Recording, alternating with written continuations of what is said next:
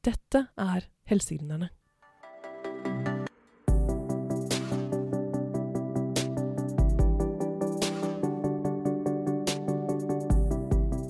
Norge har verdens beste helsevesen og en befolkning som aldri har vært friskere. Men vi blir stadig flere, og vi blir stadig eldre. Og med mangel på helsepersonell er Norge helt nødt til å ta i bruk ny teknologi for å holde tritt med utviklingen. Koronapandemien har for alvor vist oss nytten av digitale verktøy i helsetjenesten. Men hvem er menneskene bak alle disse nye oppfinnelsene? Og hva var det som drev noen av dem bort fra klinikken og inn i gründerbobla? I podkasten Helsegründerne skal vi få bli kjent med noen av dem. Podkasten er et samarbeid mellom Dagens Medisin og Medlytic. Programleder er lege og gründer Ida Susanna Fatta. Det er meg. Ansvarlig redaktør er Siri Gulliksen Tømmerbakke.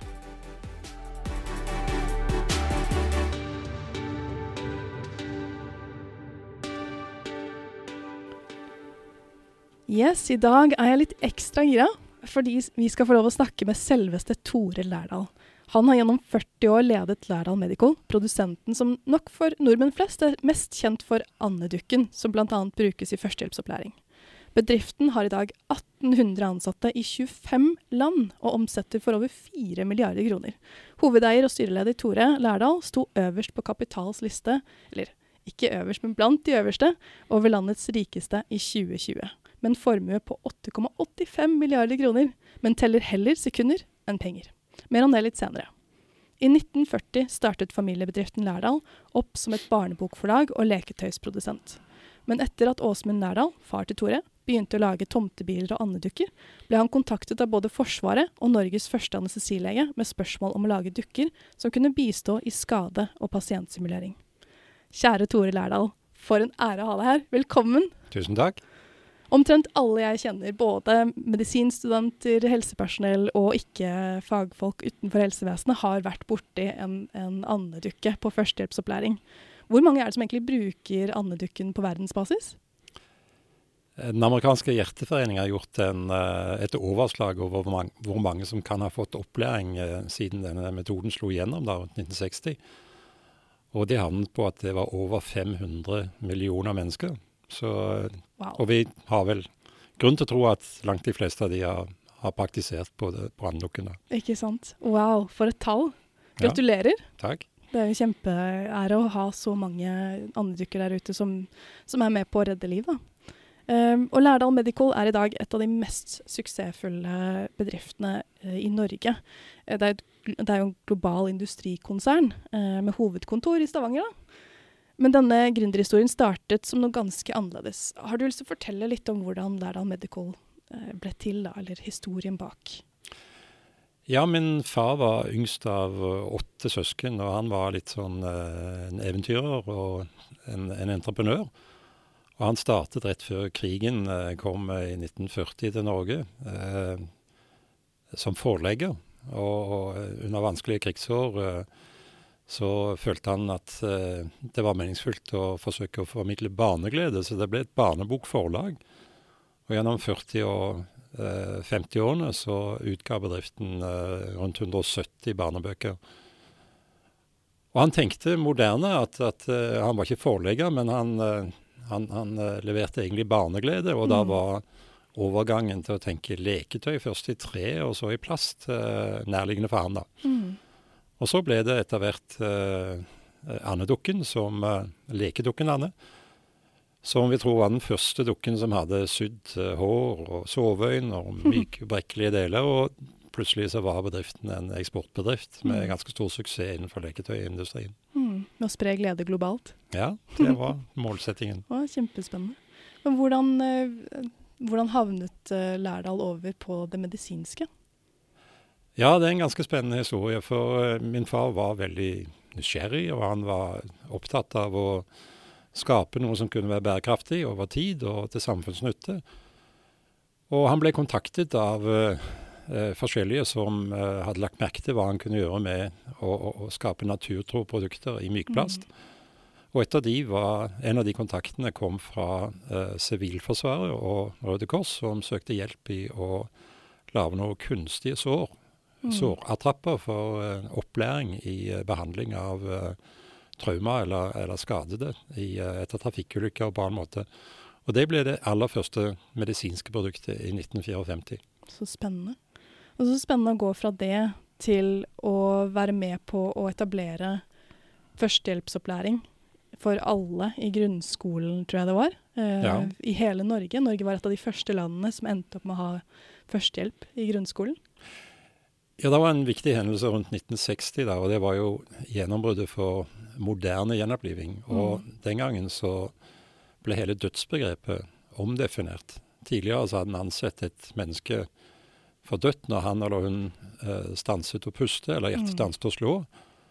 Men nå ble en klar over at det var liksom eh, når hjernen var uopprettelig død, at, uh, at døden inntraff.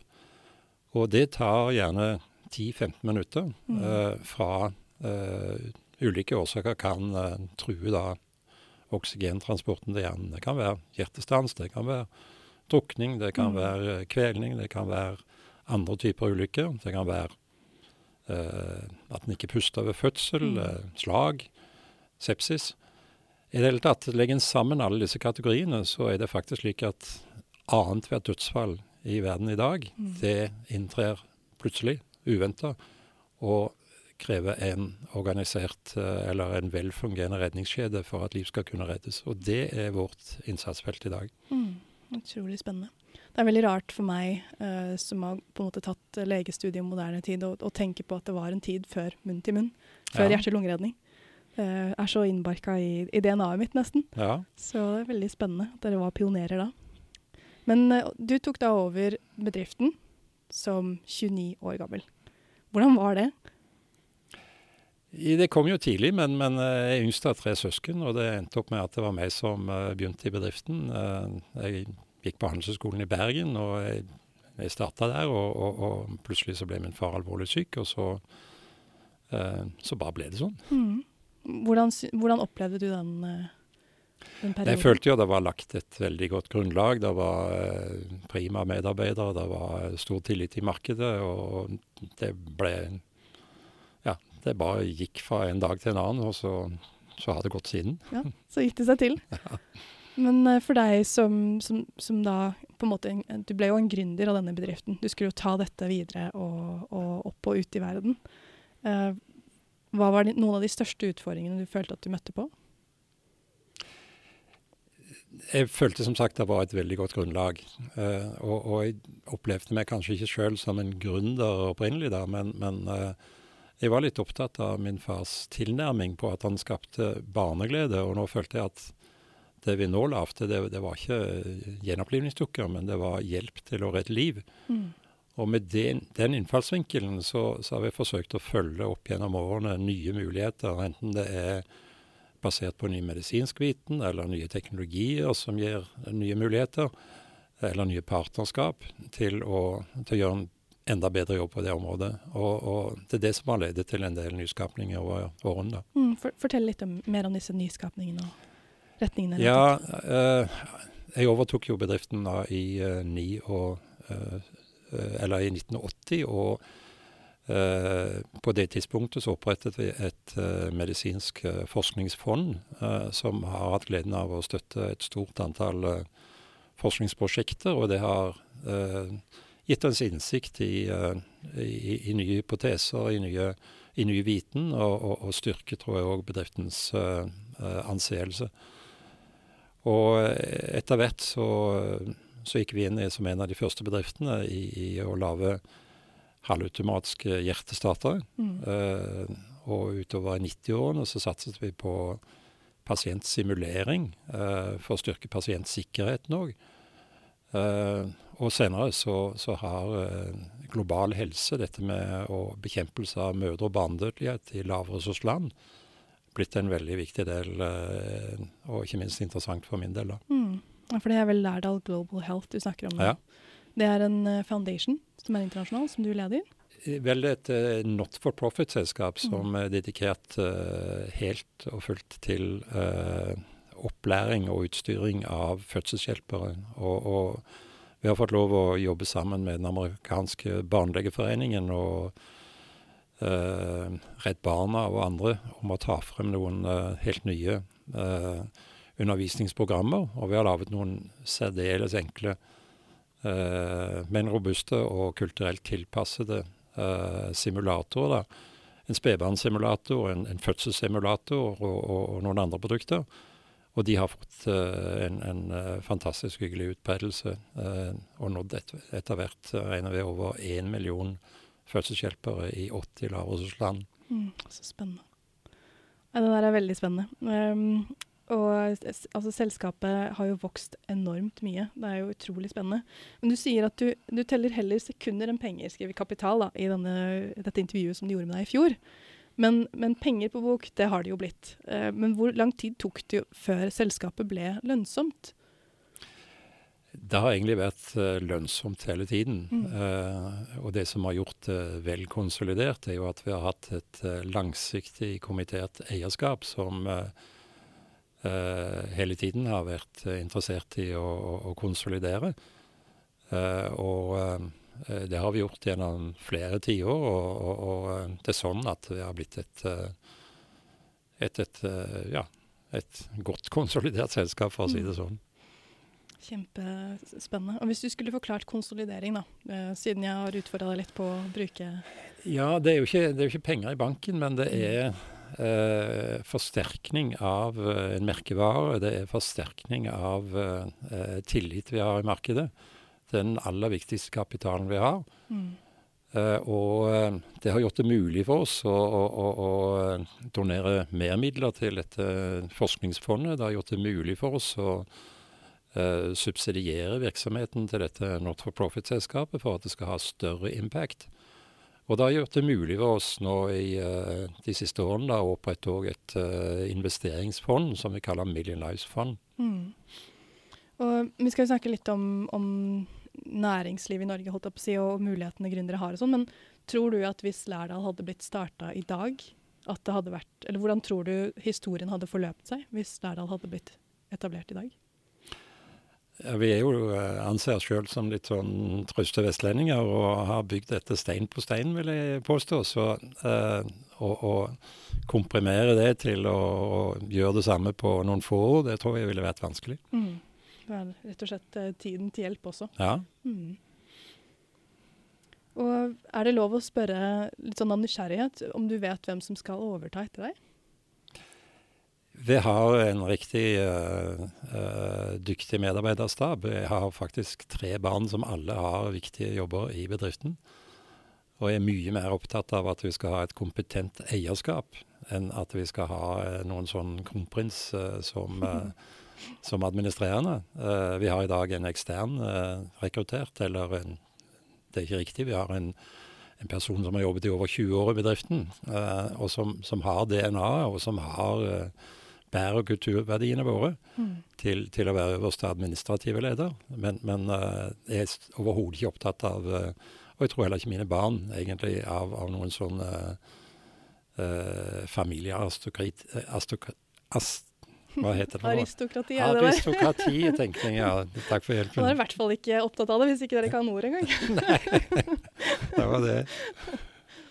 Nei, men uh, Utrolig spennende å, å, høre litt om, om at uh, hele familien Det er faktisk en familiebedrift. Hele familien jobber uh, Ja, det er i, til de grader en familiebedrift. Mm. Og jeg vil jo også si det i en utvidet forstand. Jeg, jeg mener at vi har en, en, en, en type virksomhet som appellerer til de som jobber hos oss, og som gjerne blir der i mange år. Så, så vi har egentlig et uh, utvida familiebegrep, vil jeg si.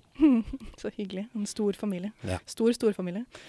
Um, du har jo da, du snakket om dette med DNA-et, ikke sant? å ha selskapets DNA i seg. Og du har jo gründergenet til, til, de grader. Du har jo fått det gjennom morsmelka, eller farsmelka, da, hvis det er et begrep.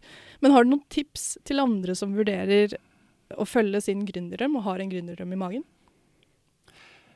Jeg skal være forsiktig med å være noe orakel på det, men, men, men, men uh, jeg tror jo at uh, en må søke mål og mening, og, og uh, være litt tålmodig. Og ikke være primært opptatt av penger, men av, av, av egentlig innholdet i det en gjør. Og hvis en da, som vi har vært heldige, og endte opp i en så meningsfull sektor, så, så, så er det lett å mobilisere rundt den oppgaven, tror jeg. Mm.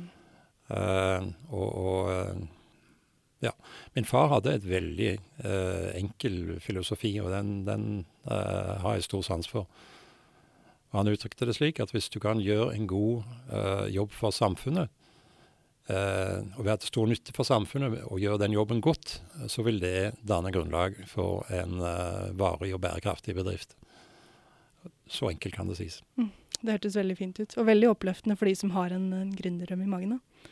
Men hvilke menneskelige kvaliteter tenker du at en gründer bør ha? Han må jo være uh, dedikert til den oppgaven han går inn for. Og, og, og, han må ha et verdisett, eller han eller hun. Eller Veldig bra. Den ja. hadde jeg tenkt å påpeke. han sitter overfor en kvinnelig gründer. ja, ja, ja. Må ha et verdisett som uh, uh, som, som vekker gjenklang. Og, og, og, jeg tror vedkommende må være en rollemodell for de verdiene. Mm. Uh, og sette større krav til seg sjøl enn til sine medarbeidere. Mm. Ja, kjempespennende. Ordentlig bilde av god ledelse. Og heie frem sine ansatte. Fantastisk. Um, men sånn tilbake til dette med næringslivet, da. Um, fordi Lærdal er jo den eneste veletablerte Eh, av de globale selskapene i helsesektoren, eh, men med langsiktig norsk eierskap. Med tanke på å beholde dette eierskapet i Norge. Hvorfor det, tror du?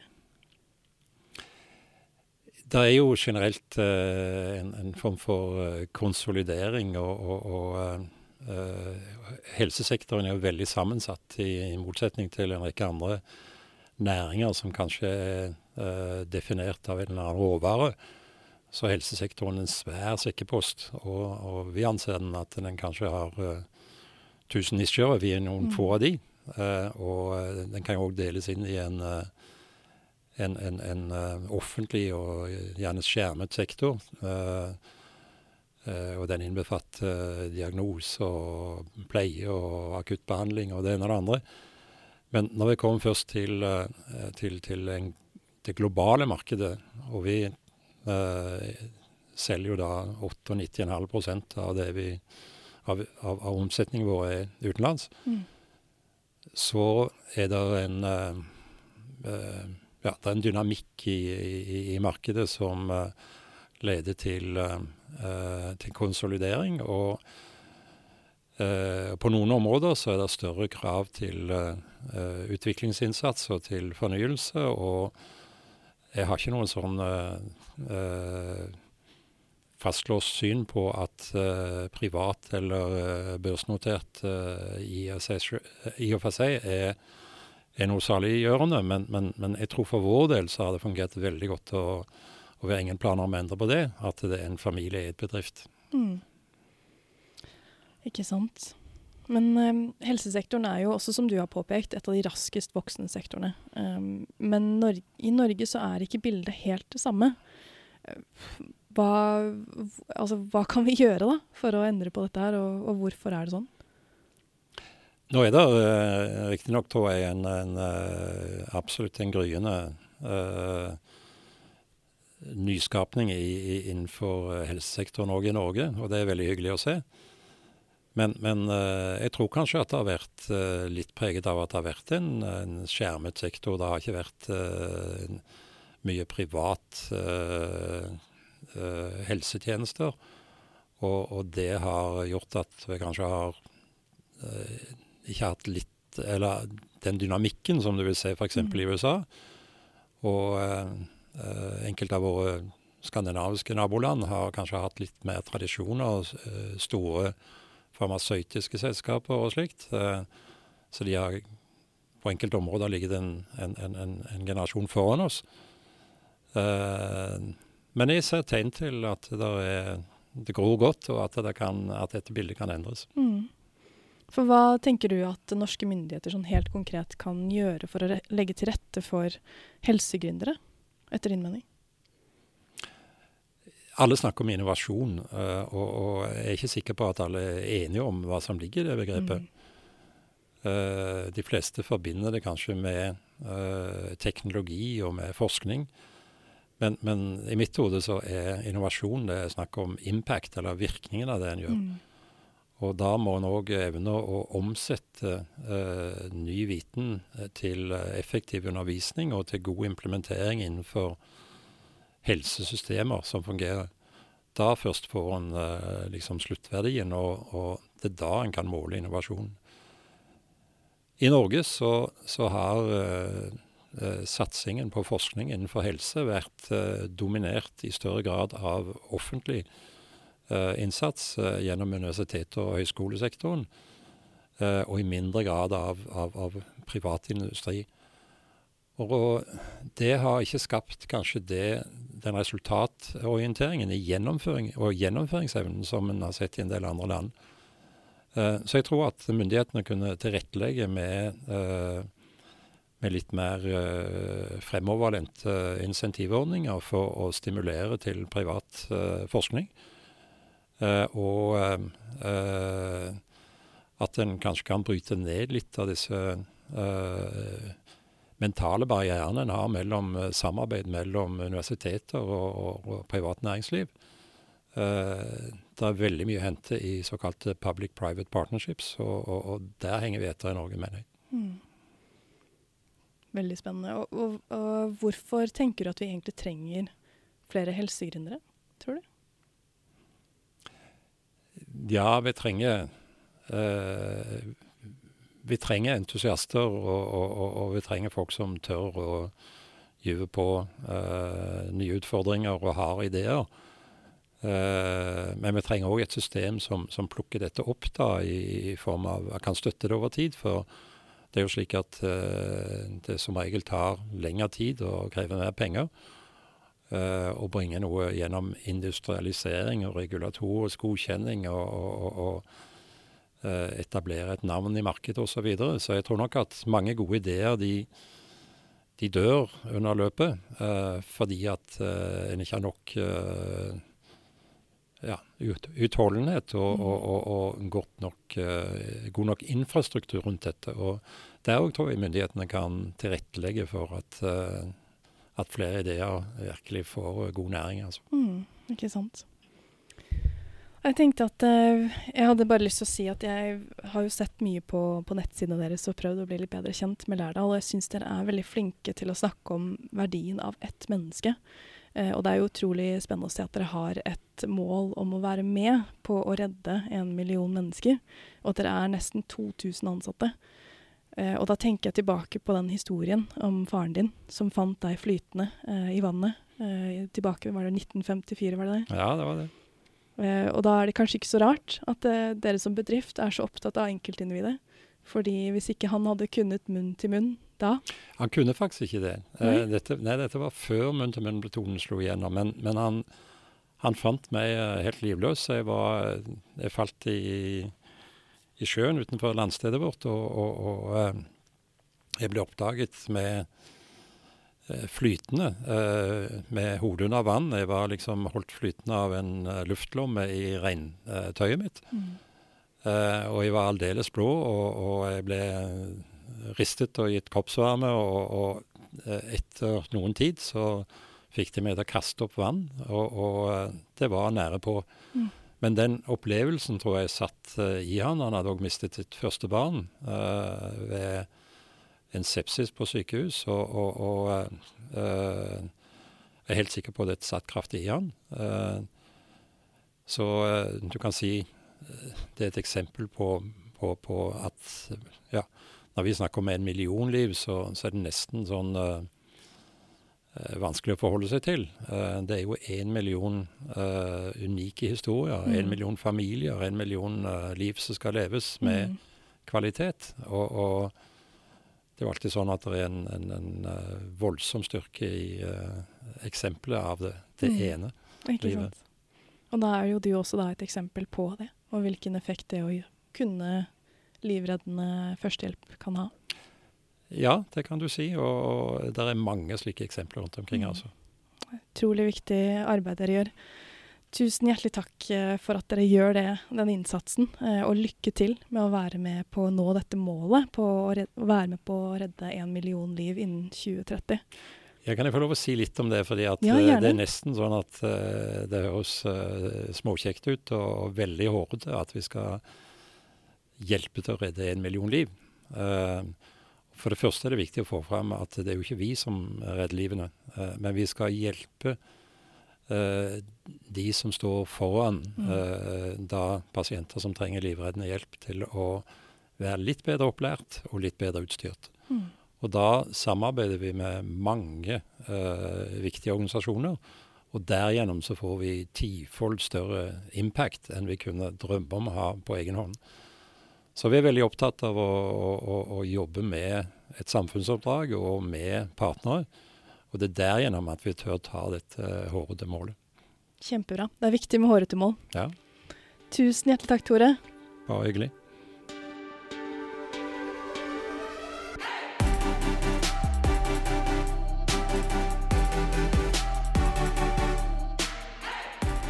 Du har hørt på podkasten Helsegründerne.